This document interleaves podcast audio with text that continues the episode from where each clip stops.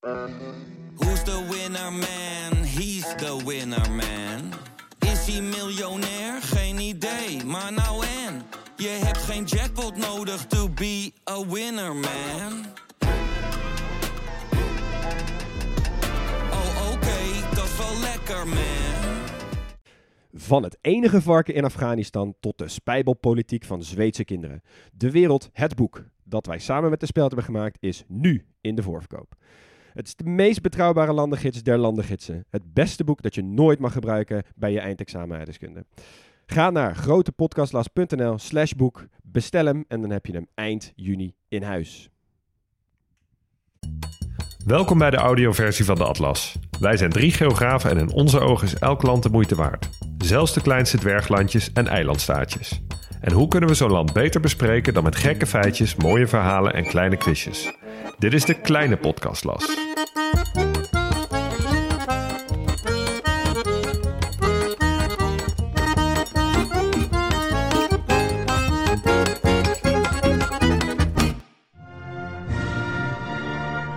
Tuvalu heeft altijd geleefd met de zee. Zoals het een zeevaardersvolk betaamt, is het in de haven drukker dan op het vliegveld.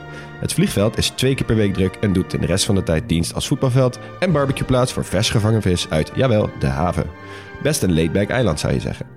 Maar de realiteit is dat er meer aan de hand is op Tuvalu. Het wordt erop of eronder de komende jaren. Wat we hiermee bedoelen? Luister dat maar in deze nieuwe aflevering van De Kleine Podcastlas. Aan het einde van eh, deze aflevering van De Kleine Podcastlas beantwoorden we één vraag, namelijk wat maakt Tuvalu uniek? Ja, toch wel veel, gaan we zo zien. Maar we gaan eerst heel even terugblikken op afgelopen week. Want eh, jongens, we hebben onze eerste pubquiz georganiseerd. Jazeker. En Ja. wat was de feestje? Hoe vonden we dit? Ja, fantastisch. Ik werd helemaal blij wakker ook maandagochtend. Ja, We was zaten echt, vol, heel echt leuk. vol energie die zondagavond. Het was best Ja. bizar, want het was... ehm, nou, sowieso... Het was binnen vier dagen of drie dagen was het uitverkocht. Ja. 23 teams, 125 mensen eh, in de pingpongclub in Utrecht. Nou, het iedereen had er echt volle bak. Ik vond het heel raar eigenlijk, op een bepaalde manier... om allemaal mensen te zien die dan voor jou naar een pubquiz komen Ja, of zo. En, en sommigen ook vet veel moeite daarvoor gedaan. Want de reden die dacht, het is geen treinen. Nee, en, nou, precies als eh, de NS-fuck-up was die dag. ja, iedereen allemaal bochten gevonden om er toch te zijn. Dus Ja. dat was al een hele eer. Ja, en grote glimlachen en een hoop creativiteit. Ja, Echt heel vet. We vroegen bijvoorbeeld één vraag. Welke twee landen zijn in de Nederlandse spelling eetbaar? Kregen we onder meer terug Tajikistan, Wales en Bangladesh. Ja, Nou, en, ja. en ook in de teamnamen zaten ook nog wat paaltjes tussen. Want we hadden zelfs twee keer onafhankelijk van elkaar eh, opgeschreven Team Booktoe. Waar ik sowieso een fan van ben. Ja. ja, en we hebben zelfs een cadeautje gekregen van een luisteraar. Ja, ja. van Nou, Rolf. ja, Ja, die heeft een boek gemaakt waar hij 33 jaar over gedaan heeft. Waarin hij van elk land en ook heel veel stukken land dat eh, niet onafhankelijk zijn, maar betwiste gebieden. Heeft hij uit al die landen heeft hij een aanzichtkaart opgestuurd gekregen. En daar een soort verzamelatlas van gemaakt. Ja, echt heel gaaf eh, koffietafelboek. En hij is dus ook in Tuvalu geweest. ja, ja, precies. Ja, want hij is een boek aan het schrijven nu, op dit moment, over de 25 kleinste landen van de wereld. En eh, nou ja, Tuvalu zit daar natuurlijk bij, maar we hebben ook die kleine podcast last, waar dus heel veel van dit soort eilandstaatjes in terugkomen. Dus eh nou ja, we, spreken elkaar nog. Ja, ja, ja, precies. Nou, en hou ehm, onze social sowieso in de gaten. Want eh, dit smaakt gewoon absoluut naar meer. Eh, mensen gingen weg met volgens mij ook een, best wel een goed gevoel. Er werd goed gescoord. Ik kreeg heel veel leuke reacties. Mensen vonden de quiz heel leuk. Dus volgende keer goed in de gaten houden. En dan, wie weet, gaan we nog een keer een XL-editie doen. Dus volg ons op de socials en houd het in de gaten. Yes. Ehm, terug naar Tuvalu. Allereerst de uitspraak. Tuvalu. Ja, dit is natuurlijk een land wat voor heel veel mensen wat onbekender is. Nou, Ja. Zo ook de uitspraak. Het is dus wel echt Tuvalu, met, uit, eh, met klemtoon op de tweede lettergreep. Ja, oké. top. Hoe ging de rest van de research? Behalve de naam. Eh, nou, best wel veel over te vinden toch? Kijk, voor een land met, wat is het, 10.000 inwoners of zo? Ja, komen zo op, maar je zit er niet ver vandaan. is het toch, ehm, ja, toch de status, het, het feit dat het de status als land heeft, maakt gewoon dat er automatisch eh, best wel wat info over is. Dat, Ja. er, dat, dat het een pagina heeft op het, op het CIA World, World Factbook, zeg maar. Ik bedoel, Ja. er zijn onaf, of afhankelijke staten die, eh, waar minder informatie over te vinden is. Ook al, ook al wonen er veel meer mensen. Ja, en ze zijn eh, recentelijk ook nog in het eh, nieuws geweest. In ieder geval, dat was in mijn research stukje. Dus daar kom ik zo weer op. Dat was echt heel vet. Eh, ja, en ze hebben gewoon... eh, ja, daar komen we ook deze aflevering op. Allemaal cliffhangers. Maar eh, ja, ze zijn heel belangrijk in eh, de hedendaagse strijd tegen klimaatverandering. Of in ieder geval de effecten daarvan. Dus ehm, nou, laten we maar snel in het paspoortje duiken, Max. Yes, we beginnen snel. Nou, de ligging. Mensen hebben dus vaak niet eens gehoord van Tuvalu. Eh, het ligt ergens halverwege Australië en Hawaii. Nou, daar heb je nog, dat kan heel veel zijn, maar eh, het ligt dus in de grote oceaan. Ehm, iets van duizend kilometer ten noorden van Fiji. Nou, om even een beetje houvast Ja. te geven met andere afleveringen. Eh, en een buren, ja, dat hebben ze natuurlijk niet, want ze zijn een eilandstaat. Maar toch, ze hebben best wel wat ehm, eh, overzeese territoria waar ze dichtbij in de buurt liggen. Dus je hebt dan Wallis en Futuna. Nou, ook niet de meest bekende. Eh Amerikaans Samoa, wat sommige mensen wel kennen. En eh Tokelau. Dat is een eh, eiland, eh, eilandengroep die bij Nieuw-Zeeland hoort. Oppervlakte, eh, alleen Nauru en Monaco en Vaticaanstad zijn kleiner. Dus het is echt een van de allerkleinste landen van de wereld. 26 vierkante kilometer. Dat is Ah, niks. ja. Nee. Kunnen we dat vergelijken met een Nederlandse gemeente bijvoorbeeld? Eh, ja, met de gemeente Borne. Nou, zoek dat ook vooral even op. Maar het is dus wel kleiner dan Sint Maarten bijvoorbeeld. Oh ja, oké. Aantal inwoners, 12.000. 12.000. En dat is eh, net zoveel als de gemeente Pekela. Wauw. Wow, yo, dat Ja, is we, we hebben wel eens andere vergelijkingen nodig om landen te kunnen duiden. Maar hier gaan we het gewoon bij kleine Nederlandse gemeenten houden. Hey, hoofdstad is wel een mooie, Funafuti. Ja, een vette man. Andere grote steden heb ik hier staan. Wat denk je zelf? ja. Want ja, die zijn er natuurlijk niet. Maar eh, ik kwam ook altijd even bij andere vette plaatsnamen. Nou, ik doe even eilandnamen, dat is makkelijker. Ehm, heb je Avalau, Vassafua, Fualopa en Fua- Fualifeke. Wauw, vet. Ja, die zijn wel echt... Ja, Ja, mooi. Religie, eh, bijna iedereen is christen. eh, Calvinistisch zijn ze. Eh, taal is Tuvaluaans en Engels zijn de officiële talen. Die horen bij de Malayo-Polynesische taalfamilie. Dat is ook de, ehm, die zijn onderdeel van de Austronesische talen, waar dus ook Fiji's bij hoorden. Nou, achternamen hebben we Smith, Apinelu, Pita en Painiu. Oké. Smith daartussen. Ja, is wel-. Ja, Smith, maar Smith is ook wel, ja, het is ook wel echt met afstand de grootste. Oh ja, maar hoeveel verschillende soorten achternamen zou je daar dan hebben? Ja, dat is een goede vraag. Eh, en dan sluit ik hem even af met de vlag. Eh, het is een lichtblauwe vlag. Die lijkt op die van Australië en van Nieuw-Zeeland. Dus je hebt, eh, het is wel een lichtere kleur blauw trouwens. Zelfde kleur als Fiji. En ehm, lichtblauw, dat komt van de lichtblauwe wateren. Van de, van de lagune, en van, van de kust daar. Dat zou je niet zeggen. Nee, nee ja, het is, het is, ja, als, je, als je één kleur moet doen, dan, Ja. dan zou ik ook die doen. Ja. goed, een kwart van de, van de vlag, eh, de kla- kwart linksboven is de Union Jack. Hè, dus de eh, vlag van het Verenigd Ko- eh, Koninkrijk. Eh, en verder hebben ze negen sterren. En dat zijn de eilanden van de eilandgroep Tuvalu. Ja, Ja, ja. Dus het is eigenlijk een soort kaart. cool. Liggen die sterren ook op de plek waar, eh, zoals de eilanden zijn verdeeld? Ja, zeg om en nabij wel. Ja. Oh, ja.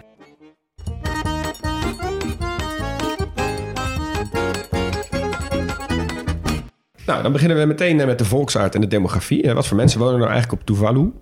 Ehm Max, je zei het al, ze zijn eh, Polynesisch in hun taal en ze spreken Tuvaluaans. En dat is verwant aan het Samoaans.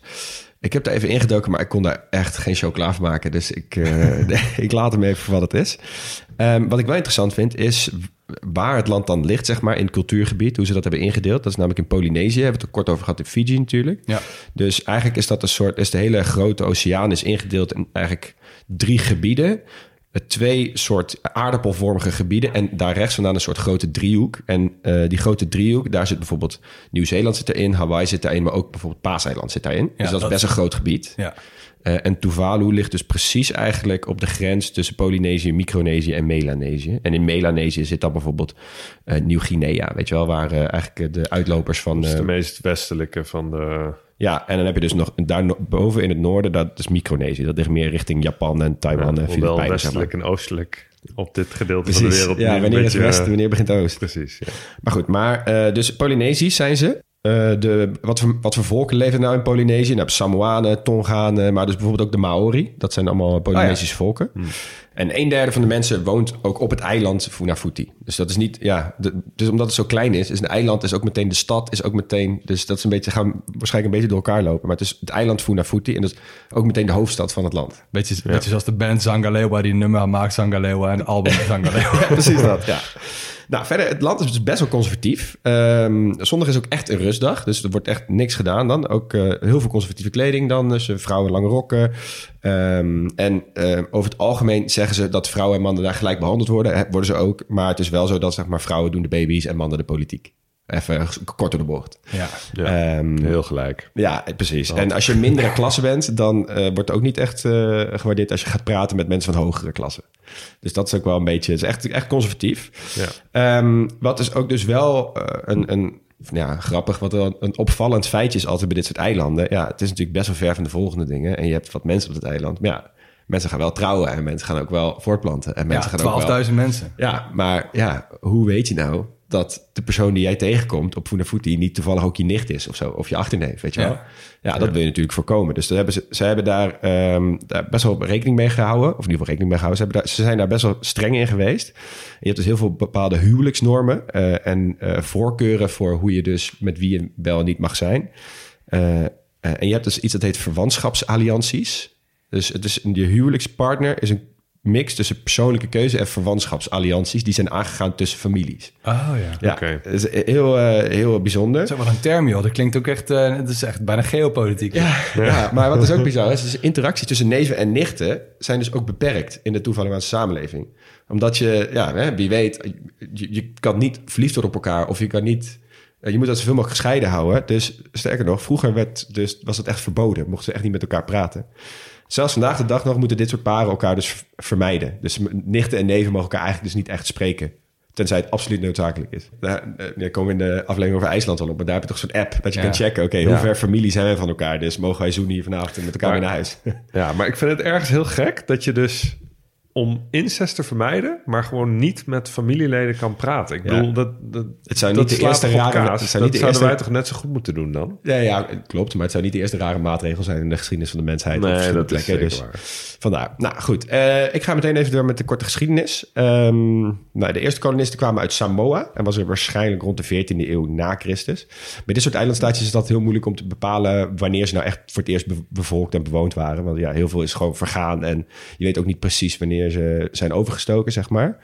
Ehm, nou, en eh, eigenlijk is het gewoon voor alle eilanden eromheen zijn er wat mensen aangeschoven en die hebben eigenlijk de bevolking eh, daar gemaakt.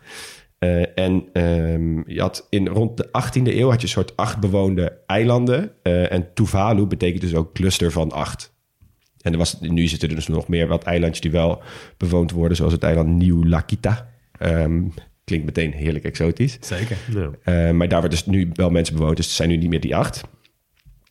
Nou, de Europeanen ontdekten de eilanden voor het eerst in de 16e eeuw van een reis van Alvaro de Mendaña de Neira. Nou, drie keer raden waar die vandaan kwam. Denk Portugal. Ik denk Portugal.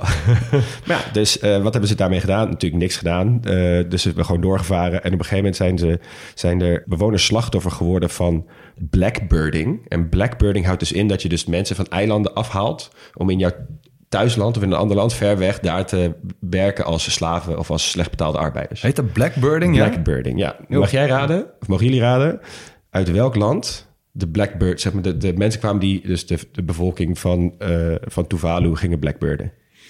ja, dat zullen de Britten wel geweest zijn. Nee, ja, niet die Portugezen dus? nee, Waren wij het? nee. Oh. Gelukkig niet. Misschien dan wel weer meer lokaal. Eh, nou, ik zou het je vertellen. In 1863 ontvoerden Peruvianen Hè? Oh, zo'n 400 mensen. Voornamelijk dus van de Nukalele en Funafuti. Ehm, en daardoor werd dus de bevolking die er toen leefde... tot ongeveer 2500 teruggebracht. Nou, die, die arbeidershandel dus van, vanuit Peru... was gelukkig maar van korte duur. Dat was twee jaar ongeveer. Maar er zijn dus wel zo'n 3600 Polynesiërs toen gerecruiteerd. En daarvan is echt meer dan de helft gestorven aan ziekte of honger... of gewoon verwaarlozing. Eh, en toen heeft de Peruviaanse regering die operatie in, in dat jaar dus gestopt. En toen hebben ze de mensen die nog over waren, hebben ze gerepatrieerd. Maar omdat dat samenging met een uitbraak van pokken en dysenterie, waren er nog eens duizend Polynesische arbeiders zijn overleden. Nou, lang verhaal kort. In 1866 hadden slechts 250 van alle gerecruiteerde mensen het overleefd.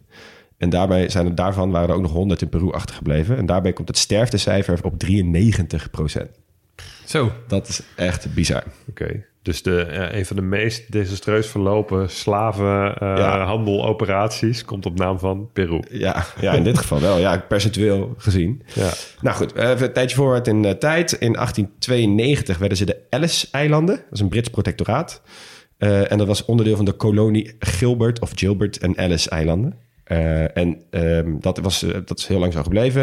En tijdens de Tweede Wereldoorlog heeft Tuvalu nog een best een belangrijke rol gespeeld. Omdat zij als soort uitvalsbasis waren voor eh, die Amerikaanse missies voor Japanse eilanden. Ja, ja, dus ja. van die, die Stille Zuidzee-operatie hebben ze dus heel vaak vanuit dat vliegveld van Funafuti gelanceerd. Ik vind het altijd wel echt heel interessant dat er best wel veel van die eilanden, ehm, echt van heel ver noord naar heel ver zuid, dat die in die Tweede Wereldoorlog best wel een belangrijke rol hebben gespeeld. Ja, Ook vaak die- gewoon militaire basissen bijvoorbeeld, die gewoon bijna net zo groot zijn als die eilanden zelf. Maar het is ook heel logisch, hè? want die, die grote oceaan is echt huge. En eh, vliegtuigen in die tijd die hadden niet het bereik om helemaal van de, eh, van de westkust naar de, van de Verenigde Staten naar Japan te vliegen. Nou, Ja. Vandaar Hawaii. En Vandaar. Hawaii, maar ook Hawaii was nog niet genoeg. Nee, precies. Ja, ja. Dus, en dan Midway, Island, Mid- Midway Ja, Atoll en zo, dat soort, Ja. dat soort Ja, plekken. dan krijgt zo'n zo'n eilandje als, eh als Funafuti bijvoorbeeld echt Ja. een enorm belangrijke rol ineens. Pas net een, eh, een landingsbaan op. Ja, nou, dat is de grappig dat je het zegt. Want die landingsbaan die ze toen gebruikten is nu Funafuti International Airport. Ah, ja. Ja. Ja, precies. Ja.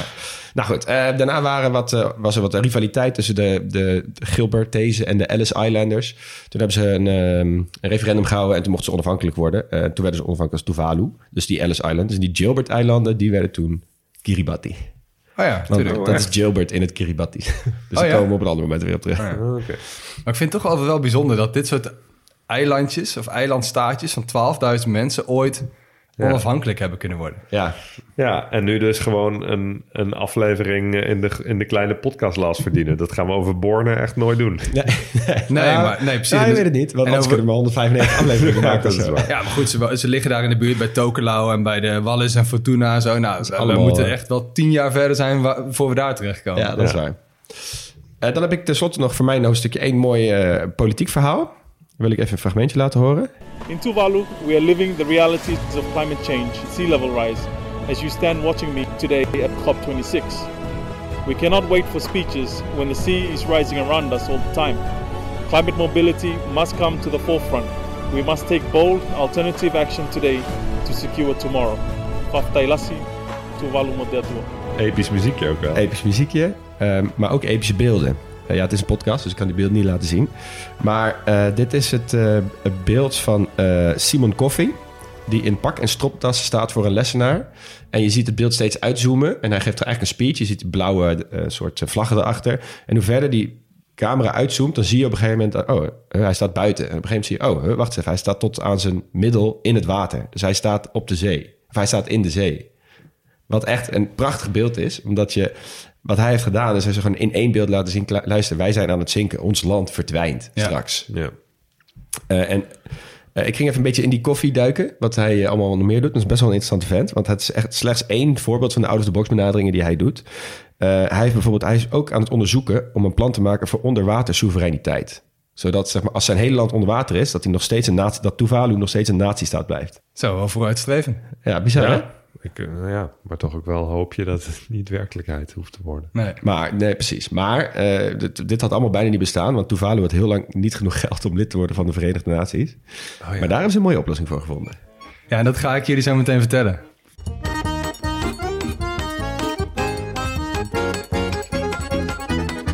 Oké man, een middelste blokje. Eh, fysische geografie, toerisme en economie. Nou, je hebt van die landen die klimaatverandering zelf veroorzaken. Je hebt ook landen die er zwaar onder lijden. Maar je hebt ook landen die geheel dreigen te verdwijnen. En dat is Tuvalu. Dus eh Leon, jouw stukje kwam ook niet echt uit de lucht vallen. Die man die gaat daar niet voor niks eh, onder water staan met zijn toespraak. Tuvalu wedijvert echt met één land, de Malediven... Ja, om de twijfelachtige eer van het land... waarvan het hoogste punt het allerlaagst ligt. Dus vijf Oh ja. meter is het hoogste punt van Tuvalu. Oh. En daarmee zijn ze echt heel erg kwetsbaar voor de stijging van de zeespiegel. Ja. En ehm, wat nog wel iets pijnlijker is, de zeespiegel die stijgt daar met 5 mm per jaar. En dat is dus twee keer zo snel als in het wereldwijde gemiddelde. Dus het is daar, zij hebben daar nog wel meer last van dan, eh, dan in de rest van de wereld. Nou, Tuvalu, hè, eh, gezegd, we hebben negen eilanden bestaat het land uit. grootste is Funafuti, dus, dus bestaat gewoon uit vooral een heel smal deel... met een hele grote lagune in het midden. En eh, het grootste stuk is eigenlijk maar breed genoeg voor één weg... En daar komen dus heel veel cyclonen voorbij, dus tropische stormen. En die, beu- die zee die beukt daar op, eh, op onrustige dagen heel hard tegen de kust. En door die zeespiegelstijging en, en kusterosie... die hebben er eigenlijk al voor gezorgd dat twee eilanden... eigenlijk zo goed als verdwenen zijn al. Ja. En eh, ze vrezen dus heel erg voor het land... of het stuk land waar echt de meeste mensen wonen. Dat is binnenkort dus ook aan de beurt. Ja. Nou, ehm, ik neem jullie even mee naar een verhaal van eh, Nauzaleta Setani. Zij woont op, eh, op Tuvalu in een houten hutje op een paar meter afstand van de zee. En dit zijn echt mensen die leven met de zee, hè, maar dus ook steeds meer tegen de zee. En waar het altijd een, een bron van leven was voor zo'n eiland, wordt het eigenlijk steeds meer een bedreiging. Dus die Nauzaleta die staat eigenlijk voor een grote, grotere groep ouderen op het eiland die eh, hun overtuigingen veel meer baseren op ervaringen en op gevoel. En zo was het altijd. Maar eh, en het is ook wel minder op, op cijfers en statistieken. Maar zeker nu is ze dus ook door de wetenschap overtuigd geraakt dat het echt het menselijk handelen is dat hun voorbestaan bedreigt. En eh, nou goed, zij zei heel, ik begrijp dat andere en grotere landen goed willen zorgen voor hun burgers. Maar wij zijn gewoon niet met zoveel. En ze hoopt dat de wereld ook wat aandacht en respect zal hebben voor, eh, voor Tuvalu. Hoe weerloos ze ook zijn. En voorlopig slaapt ze met een reddingsboei als kussen. Wow. Want je weet maar nooit. Ja, dat is het verhaal echt verschrikkelijk. Nee. Ja, Ja, erg. ze verwachten, de wetenschap verwacht dat Tuvalu binnen 50 tot 100 jaar niet meer bestaat. Dus laat dat even op je inwerken. Ja. ja. Wat, ehm, wat is meestal een grote bron van waarom mensen ergens op vakantie gaan? Omdat het er heel mooi is. Dus we gaan even een bruggetje maken naar het stukje over toerisme. Eh pakken we meteen even Lisa erbij. Wanneer kun je hier nou het beste heen? Mei tot oktober. Dat is de beste, beste tijd waarin je erheen kunt. Want dan regent het het minst. Best maar tijd. alsnog wel best wel veel. Het regent daar echt wel veel. Hij ligt ook op de Evenaar, toch? In ieder geval in de buurt. ja, het is, het is niet zo ver van de Evenaar. Nee, klopt. En ja, er komen heel grote, hele grote tropische stormen langs. Dus het waait ook best wel veel in, eh, in Tuvalu. Maar het heeft ook echt altijd dezelfde temperatuur. Dus elke dag, elke maand, eh, s s'nachts 27 graden, overdag 30 graden. Ja. Ja. Ja. die maanden heb je wel een beetje verkoeling van mei tot, tot oktober... omdat daar gewoon best wel veel wind waait rond die tijd. Nou ja. Maar als toerist, ja, ze kunnen je wel goed gebruiken daar. Want ehm, er zijn maar twee landen in de wereld die minder toeristen krijgen dan Tuvalu. Wow. Hebben jullie enig idee? Uh, Ja, wat daar in de buurt ligt, nou of gelezen. zo. Of, Nou, eh, is goed. ja. En die andere is Somalië. Oh ja. Ah, ja. ja, oké. Ja, fair enough. Nou ja, kun je ook wel Ja, heen, maar eh, misschien tuurlijk. beter over een paar jaar. Eh 3600 toeristen kregen ze in 2019. 3600? Ja, Wow. Ja, Nou, maar ja. Is alsnog wel bijna ja, gewoon een derde van hun, van hun Dat is dan nog wel bevolkingsaantal. nog best oké. Maar dan nog. Ja, dus alsnog. tien, eh, tien per dag. ja het is nou, ook gewoon dat- niet zo heel makkelijk te over. bereiken, toch? Ik bedoel, Nee, dit gaat twee keer per week een vlucht. Dus eh, Ja, nou ja, dan al. wordt dat vliegveld dus wel echt gebruikt als landingsbaan. Ja. Maar eh, om eventjes in te gaan op de vraag van, eh, van Mustafa. Die zei, joh, kunnen we iets meer vertellen over de sterkte van al die paspoorten? Nou, eh, ze proberen hier wel zo makkelijk mogelijk te zijn om mensen binnen te laten. Er is geen individu in de hele wereld dat van tevoren een visum nodig heeft voor Tuvalu. Oh. Dus eh, heel veel landen die kunnen daar gewoon visumvrij heen. En alle anderen die kunnen gewoon een vliegveld of een, een, een visum kopen on arrival. Vet. Dus eh, er is niemand die op basis van zijn afkomst geweigerd wordt in Tuvalu. Nee. Ja, als er gewoon nog eventjes eh, 5000 mensen vriend van de show worden, dan kunnen wij eh, misschien een aflevering daar opnemen. Ja, en wij zijn denk ik wel een goede doelgroep. Want er gaan dus ook gewoon heel veel mensen daarheen. Gewoon puur om te, te kunnen zeggen van... yo, ik ben op Tuvalu geweest. Ja. En gewoon het feit dat niemand gaat, is een reden om te gaan. Ja, precies. Ja, gewoon de mensen die alle landen in de wereld aangetikt willen hebben. Ja, precies. Of Ja. die plek als het meest zuidelijke puntje land of het meest noordelijke puntje land. Weet je, dat is dit ook zoiets. Ja. Nou, verder, eh, nou ja, toerisme is natuurlijk, ja, het is wel op zich wel een, een factor in, de, in, in economische zin, maar ja, er komen gewoon niet zo heel veel mensen. En je ziet ook wel dat het BNP van Tuvalu is eh, het kleinste van alle andere landen. En Nauru staat op twee en die hebben dus al twee keer zoveel. Ja. Dus hun eh, bruto nationaal product in 2021 was eh, 65 miljoen. nou, kun je nog niet eens Frenkie de Jong verkopen. Ehm, nou, dan gaan we eventjes eh, terug naar het, het zinken van eh, Tuvalu. Dat is dus ook wel heel belangrijk voor de economie. Eh, zij ze draaien zelf al voor 97% op zon- en windenergie. Dus zij doen dat wel best wel goed. Alleen ja, goed, klimaatbeleid kost gewoon heel veel geld. En ehm, hun economie wordt gewoon steeds slechter. Ja, Want de ja. grond is eigenlijk vo- volledig onbruikbaar geworden voor landbouw. Gewoon die puur doordat het steeds zouter wordt. Precies, die komt Ja. dichterbij, brokkelt alles af, erosie, al die dingen. Ja. Nou, wat kunnen die, eh, die Tuvaluanen wel goed? Eh, bijna de helft van de Tuvaluanen vist. Ja, je moet wel. Ja, het dus, mij dat ze weinig jagen daar. Ja, nou ja, ze, ze, ze verdienen zelf ook wel heel veel aan het uitgeven van licenties voor vissen. Omdat er in die wateren zoveel vis te vangen is Ah, waar zij gewoon niet aan toe komen. precies, Want ja, ze zijn ja, ja. maar met 12.000 mensen. ja. Fair enough. Maar ik las ook dat er echt een, eh, een community systeem is waarin eigenlijk gewoon bepaald is welke families belast zijn met welke taken op het eiland. Dus als jouw familie een vissersfamilie is, dan, dan blijft dat ook gewoon altijd zo. Ja, dus dat blijft heel lang in stand. En dan krijg je natuurlijk een hele eh, traditionele samenleving van. Ja. Met er allemaal rangen en standen en gildes. En eh, nou ja, dat, dat speelt daar ook wel. Nou, verder, eh Tuvalu gaat natuurlijk economisch niet zo heel lekker. Want eigenlijk bijna alles wat ze ooit deden, behalve vissen... dat is nu gewoon een stuk minder mogelijk. Ehm, dus er is in 1987 al iets opgericht... eh, wat de naam draagt, de Tuvalu Trust Fund... Eh, opgericht om Tuvalu het hoofd te kunnen bieden bij, bij gewoon vooral, nou ja, laten we zeggen, schokken in de wereldeconomie. En die is opgericht door het Verenigd Koninkrijk, door Australië en Nieuw-Zeeland. En die stoppen af en toe wat geld in het potje. Ehm Verenigd Koninkrijk is het nu weer uit. Maar Japan en Zuid-Korea die hebben ook wel eens meegedaan bijvoorbeeld. Dus het is een soort van Red eh, Tuvalu fonds. En eh, er zit toch nu wel gewoon twee keer hun BBP in. Dus eh, dat is best wel een, uh, Om te zeggen dat je dus gewoon een fonds hebt wat gewoon twee keer je BBP is. Ja, kun je ja, even vooruit. ja, het is 130 miljoen ongeveer. Dus, eh, Ja. Nou, is er dan echt niks leuks te melden? Natuurlijk wel, want ze zijn dus, hè, Leon, jij zei het al, ze hadden geen geld voor de VN. Ehm, ze zijn nu wel geworden, lid geworden van de VN. En dat hebben ze gedaan door eh, iets best wel slims. Aan het begin van het internettijdperk werden die domeinextensies die werden uitgegeven. Hè, dus .nl en .com en zo. En Tuvalu die kreeg iets best wel, nou, best wel relaxed toegewezen. .tv. Ja. En eh, daar hebben ze best wel eh, veel geld mee verdiend. Want ehm, in 2000 hebben ze voor 12 jaar die rechten geleased voor 50 miljoen dollar. En dat hebben ze in 2012 nog een keer, ehm, hebben ze dat nog een keer eh, herhaald. Ja. Oh, ja. En daar hebben ze het lidmaatschap van betaald. Ja. En bijvoorbeeld elektriciteit aangelegd op het hele land. Ja, dat, is, dat is ook vet veel geld inderdaad voor, voor zo'n staatje. ja. Ja. Ja. ja, het is ze gegund.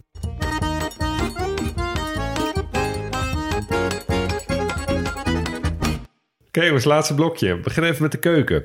Ehm, wij bespreken best wel vaak landen en daar leggen we heel vaak een relatie tussen de, de fysische kenmerken en de keuken. Ehm, bijvoorbeeld Cameroen en Slovenië, heel gevarieerde landschappen. En dus heb je ook een hele gevarieerde keuken. Ehm grenzen aan allemaal landen die weer andere invloeden hebben en zo. Oksels en, Culinaire mix. ja, maken altijd mooie culinaire mixen. Nou, ik voel hem Ja. al aankomen. Hier is die relatie ook heel sterk. Alleen levert dat niet zo'n heel gevarieerd dieet op. Want eh, ja, het, landschap is... eh, ja, je zei het al, Max. Het is, het is overal vlak. Het is overal altijd ongeveer even warm. Dus ehm, het leent zich eigenlijk maar voor het verbouwen van een heel beperkt aantal type gewassen. En bovendien is er gewoon heel weinig plek voor landbouw. Dus wat is nou de dominante factor in de keuken? Kokosnoten. Oh, chill. Uiteraard. Ehm, ja, dat is de, de, de voornaamste vegetatie daar bestaat dus uit kokospalmen. Eh, dus er wordt veel gegeten met kokosnoten. Nou, in zee is natuurlijk de diversiteit wel heel groot. Eh, er staat heel veel vis op het, eh, op het menu. Ehm, wat daar dus, eh, dus wordt gevangen. Maar bijvoorbeeld ook zeevogels. En eh, zeevogels zijn blijkbaar goed eetbaar. Ehm, en wat grappig is, in deze keuken wordt eigenlijk vrijwel geen zuivel en vlees geconsumeerd. Nee. Nee, ja. Want ja, waar moet je, voor. precies, waar moet je die beesten houden? Eh, waar moet je ze van te eten geven? Want Ja. veevoer ja, is vaak ook, eh, dat moet je ook weer ergens vandaan halen. Dus dat is niet zo lastig, eh, niet zo makkelijk. Ehm, dus dat is een beetje waar de keuken uit bestaat. Ehm, sport, wel grappig. Olympische Spelen, ik zal je niet vragen ehm, hoeveel medailles ze ooit hebben gewonnen, want eh, die geef ik jullie. Dat is niet gelukt. Maar hebben ze ooit meegedaan aan de Olympische Spelen? ja. Eh, misschien toen ja. net weer zo'n rugby. Ik denk het wel. Ik denk ook, in 2000. Ja, ze hebben meegedaan sinds 2008 aan alle zomerspelen. Oké. Dus eh, sindsdien zijn ze wel vaste klant. Nooit met meer dan drie atleten. Dus het is altijd een hele kleine delegatie die, eh, die komt. Ja, per hoofd van de bevolking, best netjes. Ja, vooral gewichtheffers en hardlopers. Dat kunnen ze blijkbaar aardig. Eh, winterspelen hebben ze nog nooit eh, meegedaan. Nou, dat vind ik niet heel raar. Nee. En eh, hard, hardlopers, zijn dat, eh, is dat lange afstand of juist eh, heel kort? Nee, sprint. Ja, want het ze- algemeen. die, die, landingsbaan, die landingsbaan hebben Ja, ze. ja, daar je kunnen ze inderdaad sprinten. Nou moet ik zeggen, eh, de, de meeste die lopen zo tussen de 11 en de 12 seconden op de 100 meter. Nou, het wereldrecord is ergens in de 9 seconden. Dus dan lig je wel echt, echt flink wat meters achter Usain Bolt. Ja. Maar goed, ehm, wat ook wel grappig is, die hardlopers zijn vaak ook spelers van het nationale voetbalteam. Oh ja. Want ja, Iedereen hè, die een beetje fit is, die eh, geven ze ook gewoon een bal en dan moeten die ook meedoen. precies, als je kan voetballen kan je ook wel een beetje lopen en andersom. Ja. Uh, en zo heel veel mensen heb je niet. Dus vaak hebben die dubbele functies, komen ze in meerdere sporten terug. Um, dat nationale voetbalteam is trouwens geen lid van de FIFA. Um, slechts associatief lid van de OFC. Dat is zeg maar de UEFA van uh, Oceanië. Uh, maar ze doen dus ook niet mee aan uh, WK-kwalificaties. En ook niet aan, de, aan het continentaal kampioenschap van Oceanië. Um, ze moeten het hebben van deelname aan de Pacific Games. Dat zijn de Olympische Spelen voor Oceanië. Dat lijkt me echt een waanzinnig toernooi. ja, dat is echt waanzinnig. En daar hebben ze ook wel eens medailles gehaald. Met gewichtheffen, boksen en tafeltennis. Dus dat is wat ze op het internationale, toernooi, uh, internationale toneel wel Vet. Hebben, hebben gewonnen. Die en wie, wie, mogen daar, uh, wie mogen daar aan meedoen dan, die Pacific Games? Dat zijn al die eilandstages in de, in de Stille ja, Oceaan. Okay, maar mag Uh, Australië bijvoorbeeld daar ook aan meedoen? Ik denk het wel eigenlijk. Ja, nee, maar dat moet ik even nagaan of uh, daar inderdaad Australië... Uh, maar die, die kapen dus blijkbaar in ieder geval niet alle medailles weg. Want Tuvalu heeft er ook een aantal gewonnen. Leuk. Um, wat wel grappig is, Tuvalu heeft ook uh, zijn eigen interne sportcompetitie, uh, competitie, namelijk de Tuvalu Games. Een soort eigen Olympische Spelen. Oh, ik wil waarin, verschillende eilanden het tegen elkaar opnemen. Vet. Dus ieder eiland heeft een team. En uh, dan dagen ze elkaar uit in voetbal, atletiek, badminton, kanoën, rugby, Zo. tennis en volleybal. Maar bijna iedereen woont op één eiland. Ja, klopt. Sommige eilanden hebben maar enkele honderden inwoners. Dus uh, ja, het kan ook niet anders dat sporters dan dus ook aan meerdere disciplines meedoen. Dus Ja. ik, ik stel me er iets van bij dat het een soort sportdag is. Ja, ja, precies. Tuvalu. Wat wij vroeger Ja. hadden op de middelbare. Zeg Ja, dat is Ja, precies. schoolvoetbal. of Ja, zo. ja, ja, ja, ja, ja. Nou goed. Piepjestest. Ehm, wat eh, eh, een sport is die daar verder veel wordt gespeeld, maar eh, niet op die, op die eigen spelen, is kilikiti. Dat is een cricketvariatie die in, ook in andere delen van Polynesië voorkomt. Eh, maar de sport die specifiek is voor Tuvalu is Teano. Oké. Um, en Theano heeft wel iets van volleybal. Je hebt namelijk twee teams die tegenover elkaar staan. En ze proberen een bal op de grond in het vak van de tegenstander te krijgen. Dus tot Ja. zover de vergelijking met volleybal. Ja. Uh, er staat alleen geen net in het midden. De teams staan gewoon best wel een stukje uit elkaar... waardoor je niet die bal rechtstreeks op de grond kan mappen.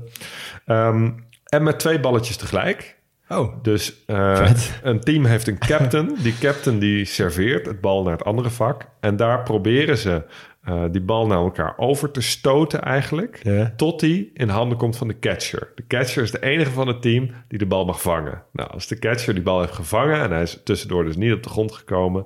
dan gooit hij hem terug naar de captain... en die serveert weer naar het andere vak. ja, ja. Maar dat gaat dus twee kanten tegelijk op. Dus, uh, Maar die klinkt echt alsof ze een soort rad van fortuin hebben gepakt met twintig verschillende sporten en gewoon vier keer draaien. Oké, we hebben nu honkbal, doe maar een catcher erbij. Oké, prima. We hebben nu volleybal. Oké, doen we dit. Nou ja, ik heb, ik heb Extra best wel... in het spel. Ik heb dit best wel vaak bedacht over gewoon andere sporten. Dat, hoe leuk zou een sport worden als je er gewoon nog een bal bij doet. Ja. ja, Ja, dat, Maar ja, dat, kijk, dat, dat kun je is toch ook bij heel veel sporten gewoon een keer proberen om te kijken wat het wordt. Nou, dat hebben ze daar goed gedaan. Ja, nee, precies. Want anders ben je alleen maar aan het wachten. En zeker op het moment dat er zo'n rustpunt in zit. Kijk, dat is natuurlijk anders dan bij volleybal. Dan wordt die bal meteen teruggemapt. Dus dat, Ja. dat is zo'n rally die heen en weer blijft gaan. Ja. Maar hier is het op een gegeven moment vangt die catcher hem. Dan gaat hij naar de captain. En dan wacht ze gewoon tot aan de andere kant eh, al dat niet gelukt is. En dan gaat die bal weer heen en weer. Lijkt me wel spannend. Ja. Ja. Ehm, het, eh, eh, het wordt meestal gespeeld in gemixte teams. Ik kon één filmpje vinden op YouTube waar, eh, waar mensen op de achtergrond dit aan het spelen waren. Eh, ja, het, het zag er een beetje uit als een, meer uit als een folkloristisch fenomeen dan echt een eh, sport die heel fanatiek werd gespeeld. Eh, daarom niet per se minder leuk. Um, maar dat blijkt ook wel uit uh, wat er gebeurt als het is afgelopen. Uh, namelijk het winnende team mag een traditionele dans, de Fatele, opvoeren voor het verliezende team. dus het verliezende team moet dan op de grond zitten en kijken hoe zij een dans uitvoeren en daarbij zingen. Oh, wow. Maar dat is wel een beetje de andere, andere kant op van als je verliest moet je een liedje zingen. Moet je een liedje zingen. Nee, maar hier is het, dus als je, je verliest mag... moet je kijken naar andere mensen die een dans doen. Ja, dan mag je dus een soort overwinningsdans uitvoeren. Nou, ik vond het best wel vet. Ja, oh, lachen. Oh, tof. Ja, dat kunnen we ook wel leren van Tuvalu. Ja, ben je een Tuvaluaan? Bespeel je deze sport? Ja. Stuur even filmpje. Best wel.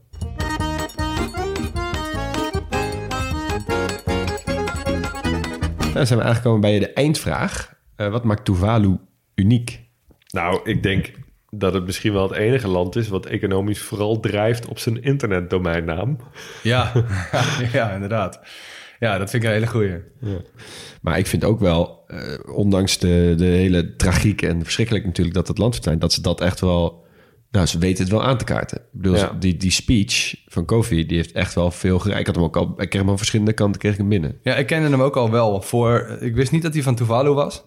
Maar ik kende hem wel. Ja, ik best wel. ja, dan, ja, ik had hetzelfde. Ik wist ook niet dat het over Tuvalu. Ik denk dat meer mensen die speech kennen dan dat ze het land Tuvalu kennen. Ja. Maar goed, hè, um, ja, gezien het feit dat ze binnen 50 tot 100 jaar misschien wel het eerste land gaan zijn dat onder de zeespiegel verdwijnt. Dat maakt ze helaas ook wel uniek. Ja, ja en dus dat ze misschien straks het eerste onderwater soevereine land zijn. Ja. Dat maakt ze ook uniek. Maar goed. Ik hoop dat het niet zo ver hoeft te komen, maar als het dan wel zover komt, dan ja, hoop ik dat dat plan door mag gaan. Ja, dat hoop ik ook. Uh, daar moeten we mee afsluiten. Bedankt voor het luisteren, dames en heren. Dit was weer een hoofdstuk van de kleine podcastlas. Wij zijn Leon Boelens, Max Gerrits en Hugo Noordman. De eindmontage wordt gedaan door Jonas van Impen. Zoals je hoorde zijn we nooit volledig, maar wel origineel. Geen experts, maar wel liefhebbers. Hebben we iets verkeerd gezegd of zijn we iets cruciaals vergeten? Volg ons en laat het weten via Twitter of Instagram op @grotepodcastlas.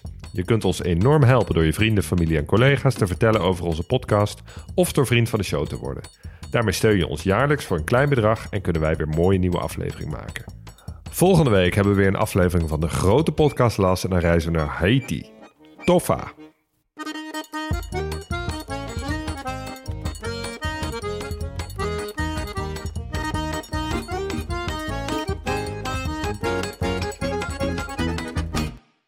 Luisteraar, luister je nog steeds? Klasse man, je hebt er gewoon helemaal afgeluisterd. Nou, nu je tot hier bent gekomen, koop dan ook gelijk even ons boek hè. grotepodcastlas.nl slash boek.